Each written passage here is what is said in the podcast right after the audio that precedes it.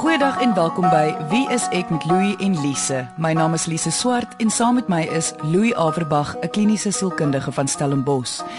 Vandag gaan ons 'n paar van ons luisteraars se briewe bespreek. Ons gaan gesels oor wat is meer belangrik wanneer jy wil trou? Liefde of geld? Ons gaan kyk na maniere hoe jy vrede kan maak met jouself en 'n situasie na die verbrokkeling van 'n huwelik. En ons gaan die storie hoor van 'n persoon wat hulp nodig het met die hantering van sy pa se bipolêre diagnose. Alle briewe wat op Wees ek bespreek word, bly anoniem. Ons het selfs van die bewoording verander om seker te maak die identiteit van die skrywer bly onbekend. Kom ons luister na die eerste brief van die dag wat Louis nou vir ons gaan voorlees.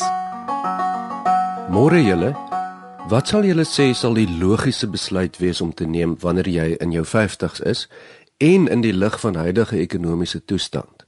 Trou jy vir finansiële sekuriteit met geen liefde nie of trou jy vir baie liefde maar geen finansiële sekuriteit nie? Dankie anoniem. Louis, ek was mal oor hierdie vraag want alhoewel ek glo almal se eerste reaksie is jy trou vir liefde, dink ek nie dit is heeltemal so 'n een eenvoudige vraag nie. Nee, dis nie heeltemal so eenvoudig nie. Ek dink dis in ons almal se aard om te sê natuurlik moet jy vir liefde trou. Maar in realiteit dink ek nie dit is regtig wat gebeur nie. Ek dink niemand trou of kom by mekaar uitsluitlik vir net een rede nie. En om hierdie vraag aan te spreek, sal mens regtig moet vir jouself vra, wat is vir jou belangrik? En elke mens se rede waarmee sy of hy in 'n in verhouding ingaan, is vir verskillende redes, nê. My ervaring is dat die meeste mense vir trou vir verskillende redes waarvan finansiële sekuriteit, liefde een van die redes is en dat daar nog soms baie ander ook is. As jy nou sê dat jy moet kyk na wat vir jou belangrik is. Los dit tog die vraag maar hoe gaan jy verseker die antwoord weet? Ek wil dit ons almal voel ons ken onsself en ons eerste reaksie is ja, goed liefde is vir my belangrik of nee, finansiële redes is vir my belangrik, maar hoe gaan jy regtig weet wat sien is vir jou belangrik of wat se keuses vir jou belangrik is. Hoe weet ons ooit? Ons weet nie regtig nie want ons kan nie die toekoms voorspel nie. Wat ons doen is om inligting in te win en oor onsself te gaan sit en dink en te sê goed op grond van alles wat ek nou weet van myself en wat ek dink wat sal vir my die belangrikste wees maar ek dink wat die kern van hierdie ene is is dat die dame wat vir ons die brief skryf vra vir ons Jy weet, is dit die een of is dit die ander een? En die antwoord lê nooit daarin nie. Die antwoord lê baie in 'n bietjie van beide en waarmee jy gemaklik kan saamleef. En baie van ons weet wat vir ons belangrik is. Ons weet tog as ons in 'n verhouding wil ingaan, dis wat ons wil hê. Selfs al sê jy dit is nie so eenvoudig nie, baie mense maak tog 'n besluit op net die een of die ander. En soos ons almal weet, die samelewing aanvaar nie regtig dat jy mag of wil trou vir finansiële redes nie. So ek wil tog weet, kan 'n mens in 'n verhouding regtig gelukkig wees as daar nie liefde is nie? Kom ek vra so en kom ons wees eerlik met mekaar. Hoeveel mense ken jy, ken ek ken ons luisteraars wat getrou het vir liefde mm. en dit werk in elk geval nie uit nie. Mm. Baie. Om te trou vir liefde beteken noodwendig iemand gaan gelukkig wees nie. Dis nie 'n waarborg nie. En ek dink in daardie opsig sê ons dan altyd liefde is nie genoeg nie. Hmm. Nee. Die uitsondering hier en daar en dis wonderlik, maar dit werk in realiteit nie heeltemal so nie. So om die vraag te antwoord. Verskillende dinge maak verskillende mense gelukkig. Daar is baie mense glo ek wat gelukkig is in 'n verhouding waar dit net oor finansiële sekuriteit gaan maar dit was die ooreenkoms van die begin af en albei partye aanvaar dit so. En natuurlik kan mens dan gelukkig wees. Of dit moreel regverdigbaar is is 'n ander vraag maar dis sekerlik nie vir my of vir jou om dan te gaan besluit is dit beter om vir die een te wees of is dit meer reg nie? Maar dit gebeur wel Indien jy wil hê ek en Louie moet jou brief, storie of vraag hier op Wie is ek bespreek, kan jy ons kontak deur ons webwerf wieisek.co.za of gaan na ons Facebookblad onder Wie is ek met Louie en Lise. Onthou alle briewe wat bespreek word sal anoniem bly. Jy het nou net begin praat oor die ooreenkoms tussen twee mense. Ons praat baie keer hier op Wie is ek oor die kontrak tussen aanhalingstekens wat twee mense met mekaar moet opstel wanneer hulle in 'n verhouding ingaan of in 'n huwelik ingaan. En ek dink dit is waarvan jy nou gepraat het. Kan jy net vinnig weer vir ons 'n bietjie verduidelik hoe werk so 'n kontrak tussen twee mense? Ja, dit is eintlik die kern van die antwoord op die dame se vraag, nê. Nee, ons sien van buite af dat verhoudings wat nie uitwerk nie, werk gewoonlik nie uit nie, omdat daar nie duidelike ooreenkomste tussen partye is nie, amper soos 'n vennootskap in 'n besigheid, nê. Nee. Maak nie saak wat die ooreenkoms is nie. Dit lyk asof dit dan werk as die ooreenkoms baie duidelik is of ten minste 'n beter kans dan om te werk. Byvoorbeeld, ek het nie baie geld nie, ek kan vir jou net liefde aanbied. So in ons verhouding as jy ooreenkom om hier in te kom, dan moet jy weet daar's nie finansiële sekuriteit nie. En as jy dan sê dit is reg so en dit is regtig vir jou aanvaarbaar, dan werk die verhouding. Want ons het altoe hierdie ooreenkoms gegaan. Jy gaan nou nie in die toekoms vir my vies wees oor daar nie finansiële sekuriteit is nie. Maar as dit nie ooreengekom word nie, is waar die probleem inkom. 'n Ander voorbeeld is goed, jy voorsien vir my finansiële sekuriteit en ek sal aan jou arm wees by al die funksies en ek sal die mooi jong vroutjie wees. Dit is 'n ooreenkoms en dit werk vir baie mense. En dit is ook dan baie duidelik uitgestippel. So wat jy sê is indien daar 'n duidelike kontrak tussen twee mense is en albei partye stem saam oor die terme van die kontrak en respekteer die kontrak, kan dit een van die geheime wees tot 'n suksesvolle huwelik, maar ek dink die groot geheim wat jy sê is is dat albei partye moet bewus wees hiervan. Dit is nie 'n geval van jy besluit ek gaan nou met jou trou want jy is finansiëel sterk nie. Die een wat finansiëel sterk is, moet ook verstaan ek trou met jou vir jou geld. Absoluut. En as ons dan daarop ooreenkom, dan is ons koppe deur. Ja, en dit is definitief een van die resepte vir 'n suksesvolle verhouding Maak nie saak wat daardie verhouding is nie, al is dit 'n besigheidsverhouding. Is hierdie 'n baie goeie sukses as al twee partye of al is dit meer as twee partye presies weet waar hulle met mekaar staan en wat dit impliseer. Jy luister na Wie is ek met Louie en Lise op RSG 100 tot 104 FM. Soos ek net nou gesê het, eh, die samelewing aanvaar nie regtig as 'n mens besluit of wanneer jy besluit om te trou vir finansiële redes nie. So, kom ons sê byvoorbeeld die vrou wat vir ons geskryf het, het toe nou besluit of gaan nou besluit, sy gaan nou trou vir finansiële redes, sy en haar uh, maat het daar daaroor gepraat en hulle verstaan hoekom hulle bymekaar gaan wees en wat die implikasies gaan wees. Maar ek en jy weet baie goed haar vriende en familie gaan tog wonder en sekerlik ook vra, maar hoe op dese aarde gaan jy dit doen? Jy gaan mos nie gelukkig wees nie. Maar dis mos die snaakse ding hoe mense om jou mos besluit dat hulle namens jou gaan besluit jy gaan nie gelukkig wees as jy vir hierdie redes trou nie.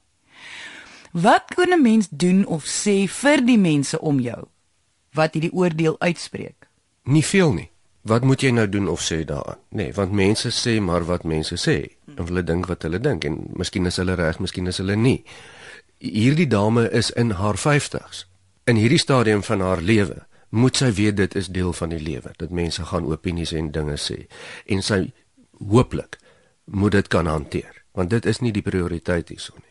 Alle keuses het mos voor en nadele en een van die nadele van meeste keuses is gewoonlik wat die mense gaan sê daaroor. En sy weet dit heel waarskynlik. So wat is jou antwoord op hierdie brief? Dame, ja, jy's in jou 50s. Dit beteken jy weet hooplik wat jy wil hê vir jou lewe. Jy het mos nou al jou pryse betaal. Jy weet wat jy in 'n verhouding wil hê of nie wat vir jou belangrik is. En ek is seker jy het jou balansstaat mooi opget opgetrek. En my advies sou verder wees, praat met die man met wie jy in hierdie verhouding wil ingaan. Sê vir hom, ek ek gaan onder andere oorweeg ek om met jou te trou as gevolg van finansiële sekuriteit of liefde of miskien beide. Wat dink jy oor as jy in hier voor of nie? En dan kan jy verder julle kontrakte opstel. Kom ons luister na nog 'n brief van 'n luisteraar wat ek nou vir ons gaan voorlees. Hallo Louis en Lise. Ek het asseblief raad nodig. My pa is gediagnoseer met bipolêr. Hy was einde verlede jaar deur 'n maniese fase waar hy gehospitaliseer was. Die probleem is dat hy nou weer in 'n maniese fase is, maar dat sy hospitaalvoordeel uitgeput is. Die ander opsie is seker 'n staatshospitaal, maar jy weet hoe lyk dit daar. My pa drink nie sy pille verantwoordelik nie. Die enigste manier wat hy gesond kan word is deurdat iemand na hom kyk. Dit is chaos by my ma se huis en sy is raadop. Is daar ander opsies wat 'n mens kan oorweeg? Louis, ek dink voor ons hierdie persoon se vraag beantwoord, dink ek moet jy net gou geweer vir ons verduidelik presies wat is 'n maniese fase en hoekom dit moontlik chaos kan veroorsaak. Ja, 'n maniese fase is deel van wat ons noem 'n bipolêre gemoedstoornis wat 'n vorm van depressie is, nê. Dit is depressie soos ons dit ken met die baie lae gemoed en die lang donker aftye, maar met af en toe hierdie maniese opgeruimde ooropgewekte fase. Wat eintlik baie lekker is meestal vir die persoon self maar dit veroorsaak ook dat die persoon dan heeltemal uit beheer uit kan gaan en vreeslike onverantwoordelike goed kan aanvang. Baie geld spandeer of sommer sosiaal onaanvaarbare dinge doen wat hy of sy nooit sou gedoen het nie wat in 'n verleentheid veroorsaak. En dit is 'n fase wat 'n paar dae of 'n paar weke kan aanhou As die pa einde verlede jaar gehospitaliseer was, hoekom is hy dan nou weer in 'n maniese fase? Is die hele punt nie van hospitaal toe gaan dat hulle die probleem moet uitsorteer nie? Niemand kan voorspel wat gaan gebeur nadat mens gehospitaliseer is nie. Hospitalisasie is soos wat jy sê om iemand te spesialiseer. Wat daarna gebeur is baie belangrik en ons het nou nie baie inligting hieroor nie, maar wat ons wel sien is dat die skrywer hier sê dat sy pa nie sy pille verantwoordelik drink nie. En die oomblik as dit gebeur, dan kan ons sê maar goed, dan gaan die maniese fase dalk heel waarskynlik weer kom. Want die medikasie vir bipolêre gemoedstoornis is daar om juis dit te verhoed. Ons bespreek vandag 'n paar van ons luisteraars se briewe. Ons het aan die begin van die program gesels oor of 'n mens moet trou vir liefde of vir finansiële redes. Indien jy dit gemis het, kan jy na die pot gooi gaan luister op RSG se webwerf. Dit is rsg.co.za. Soek net vir wie is ek en kies 'n episode om na te luister volgens die uitsaai datum. Voor die advertensiebreek het ons begin om te gesels oor 'n brief. Vir diegene wat nou eers ingeskakel het, sal ek die brief net vinnig vir ons weer voorlees. Hallo Louie en Lise. Ek het asseblief raad nodig. My pa is gediagnoseer met bipolêr. Hy was einde verlede jaar deur 'n maniese fase waar hy gehospitaliseer was. Die probleem is dat hy nou weer in 'n maniese fase is, maar dat sy hospitaalvoordeel uitgeput is. Die ander opsie is seker 'n staatshospitaal, maar jy weet hoe dit daar lyk. My pa drink nie sy pille verantwoordelik nie. Die enigste manier wat hy gesond kan word, is deurdat iemand na hom kyk. Dit is chaos in my ma se huis en sy is raadop. Is daar 'n ander opsie wat 'n mens kan oorweeg? Ja, en onthou nou 'n maniese fase, hoekom dit chaos is, is dis daardie opfase van 'n depressie wat mense het is 'n chemiese fase wat deur chemiese redes veroorsaak word en wat geweldige gedagte druk veroorsaak en dan kan maak dat mense optree in vreemde situasies en baie verleentheid veroorsaak vir hulle self, veral vir die mense om hulle en soms baie slegte nagevolge kan hê in terme van hulle gedrag. Ek wil net die aanmerking die ander opsie is seker 'n staatshospitaal, maar jy weet hoe dit daar lyk. Aanspreek. Jy as kliniese sielkundige drink baie daarop aan dat veral vir finansiële redes moet mense nie bang wees om te gaan vir sielkundige toestande na 'n staatshospitaal toe nie. Kan jy net vir ons bietjie meer daaroor vertel? Ongelukkig reg oor die wêreld meestal werk dit nou so as dit staatssorg is, dan wag mens nou langer en die diens is stadiger en dit is nie altyd so maklik bekombaar nie, nê. Nee. Maar dit beteken nie altyd dat die diens inherënt swakker is nie. Wat baie mense nie besef nie is dat elke staatshospitaal het 'n opgeleide psigiater wat op roep is en wat moet uitkom vir noodgevalle en vir 'n uh, psigiatriese situasies, nê. Nee. Al vat dit heeldag. So dit is glad nie 'n slegte opsie nie. Psigiaters is baie goed opgelei in Suid-Afrika. Uh jy gaan dalk baie langer wag, maar dit is nog steeds nie 'n slegte opsie nie. As dit heeltemal onmoontlik is by die staatshospitaal, dan is jou plaaslike uh, algemene praktisyn is ook altyd 'n baie goeie punt om te gaan. Jy weet, dit is daarom partymal bekostigbaar en meeste algemene praktisyns kan daarom manie erken en kan daarom korttermyn help of dan selfs net help om makliker in die staatshospitaal in te kom of jou verwys na 'n ander psigiater. Die medikasie wat nie reg gebruik of gereeld genoeg gebruik word nie. Hoekom sukkel die pa om dit te neem? Vermoed jy hy skop teen die gedagte of is dit soms moeilik met hierdie diagnose om tred te hou met medikasie? soos die meeste mense die fout baie keer begaan is as dit as jy lekker voel dan voel jy jy het nie die medikasie nodig nie maar jy vergeet dis die medikasie wat jou gehelp het om daar te kom. Heel waarskynlik, nê. Nee. Mm -mm. En ons weet as iemand in 'n maniese fase is, is dit vir die persoon gewoonlik self verskriklik lekker. En die gedagte druk is is baie erg. Ja, so, verseker gaan die laaste ding wat sy pa gaan doen is belangstel in om sy pille gereeld te neem. So sou jy sê geliefdes sal moet help om seker te maak die medikasie word geneem. Ja, want hy gaan dit verseker nie self doen nie. Jy weet of jy moet hom na dokter toe sleep of iets moet jy maak want hy self gaan hy dit nie doen nie. Ek wonder net, moet die pa nie ook 'n kliniese sielkundige gaan sien in plaas van net om medikasie te neem nie? Gaan dit nie help as die pa ook meer beheer oor sy toestand het of of 'n beter verstaan daarvan het nie? Ja, natuurlik. En en jy sinspeel daarop dat medikasie is nie alles nie en dit is nie, jy weet. Mens moet net altyd kyk wat is prioriteite. Wat weet ons van bipolêre gemoedstoornis veral manies is 'n baie sterk chemies beheerde proses. So in hierdie geval gaan ons beslis eers vir die medikasie. En ja, as hy dan fisies onder beheer is, dan sal dit fantasties wees as hy pa pad kan loop met hierdie ding om dit onder beheer te kry want hy's duidelik nie in beheer nie. So wat sou jou antwoord vir hierdie skrywer wees? Ja, dis dis my baie mooi dat jy so mooi omsien na na jou pa en so bekommerd is. Jy moet nou mooi in gedagte hou hierdie sekere goed wat jy oor beheer het en wat jy nie oor beheer het nie. Jy kan tog nie die pille in sy keel afdruk nie, nê. Nee. En dis moeilik om daardie sorg self uit te deel. So as jy die eerste teken sien van 'n rimaniese fase, gaan dan onmiddellik na jou huisdokter toe of die staatshospitaal en kry psigiater in die hande. Nou as al sit jy nou jou pa in die kar en sleep hom soontoe. Ehm um, maar jy gaan dit nie alleen regkry nie. En hoe vinniger jy reageer, hoe makliker gaan dit wees. Indien jy wil hê ek en Louie moet jou brief, storie of vraag hier op Wie is ek bespreek, kan jy ons kontak deur ons webwerf wieisek.co.za of gaan na ons Facebookblad onder Wie is ek met Louie en Lise. Onthou alle briewe wat bespreek word sal anoniem bly.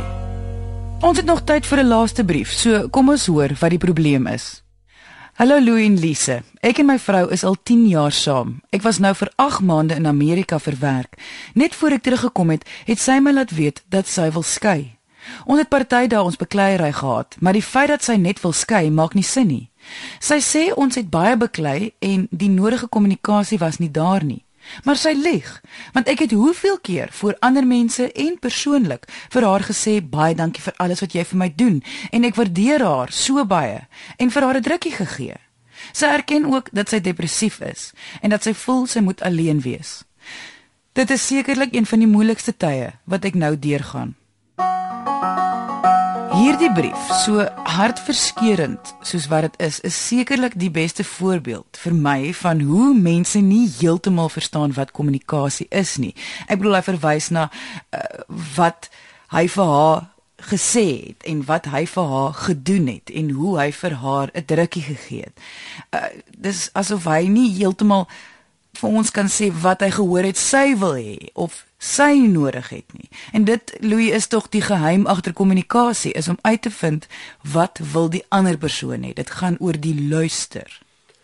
Ja, en dit is soos jy sê aardseer want dit is tog duidelik dat die persoon wat die brief geskryf het hier net die beste van bedoelings het.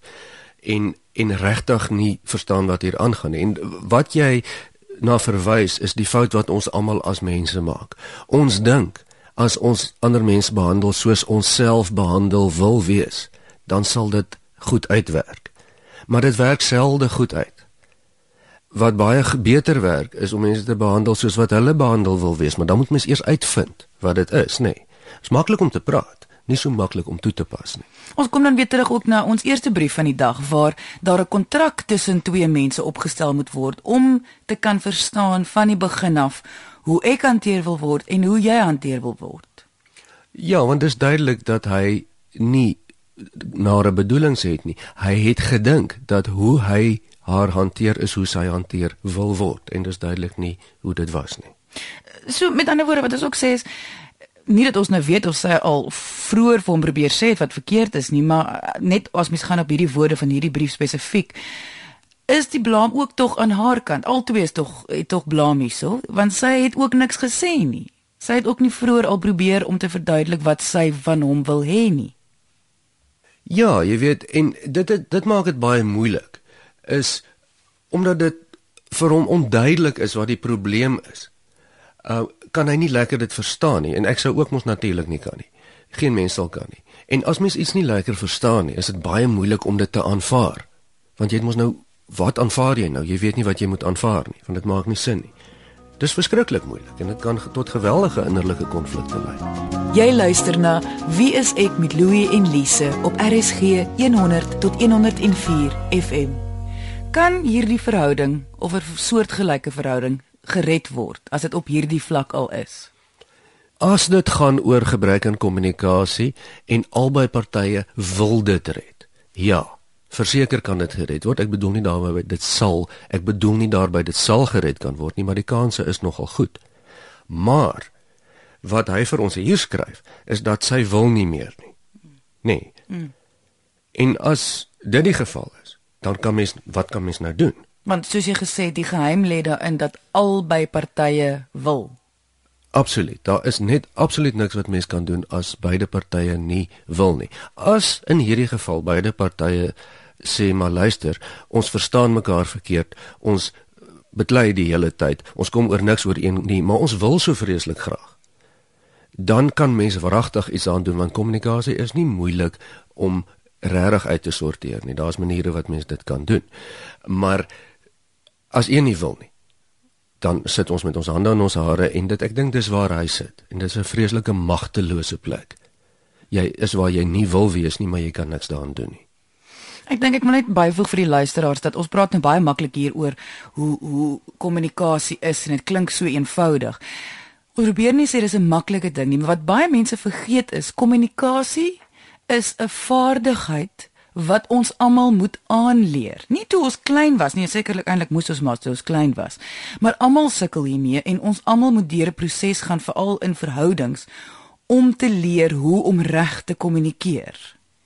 Ja, omdat mens nou ook mens is.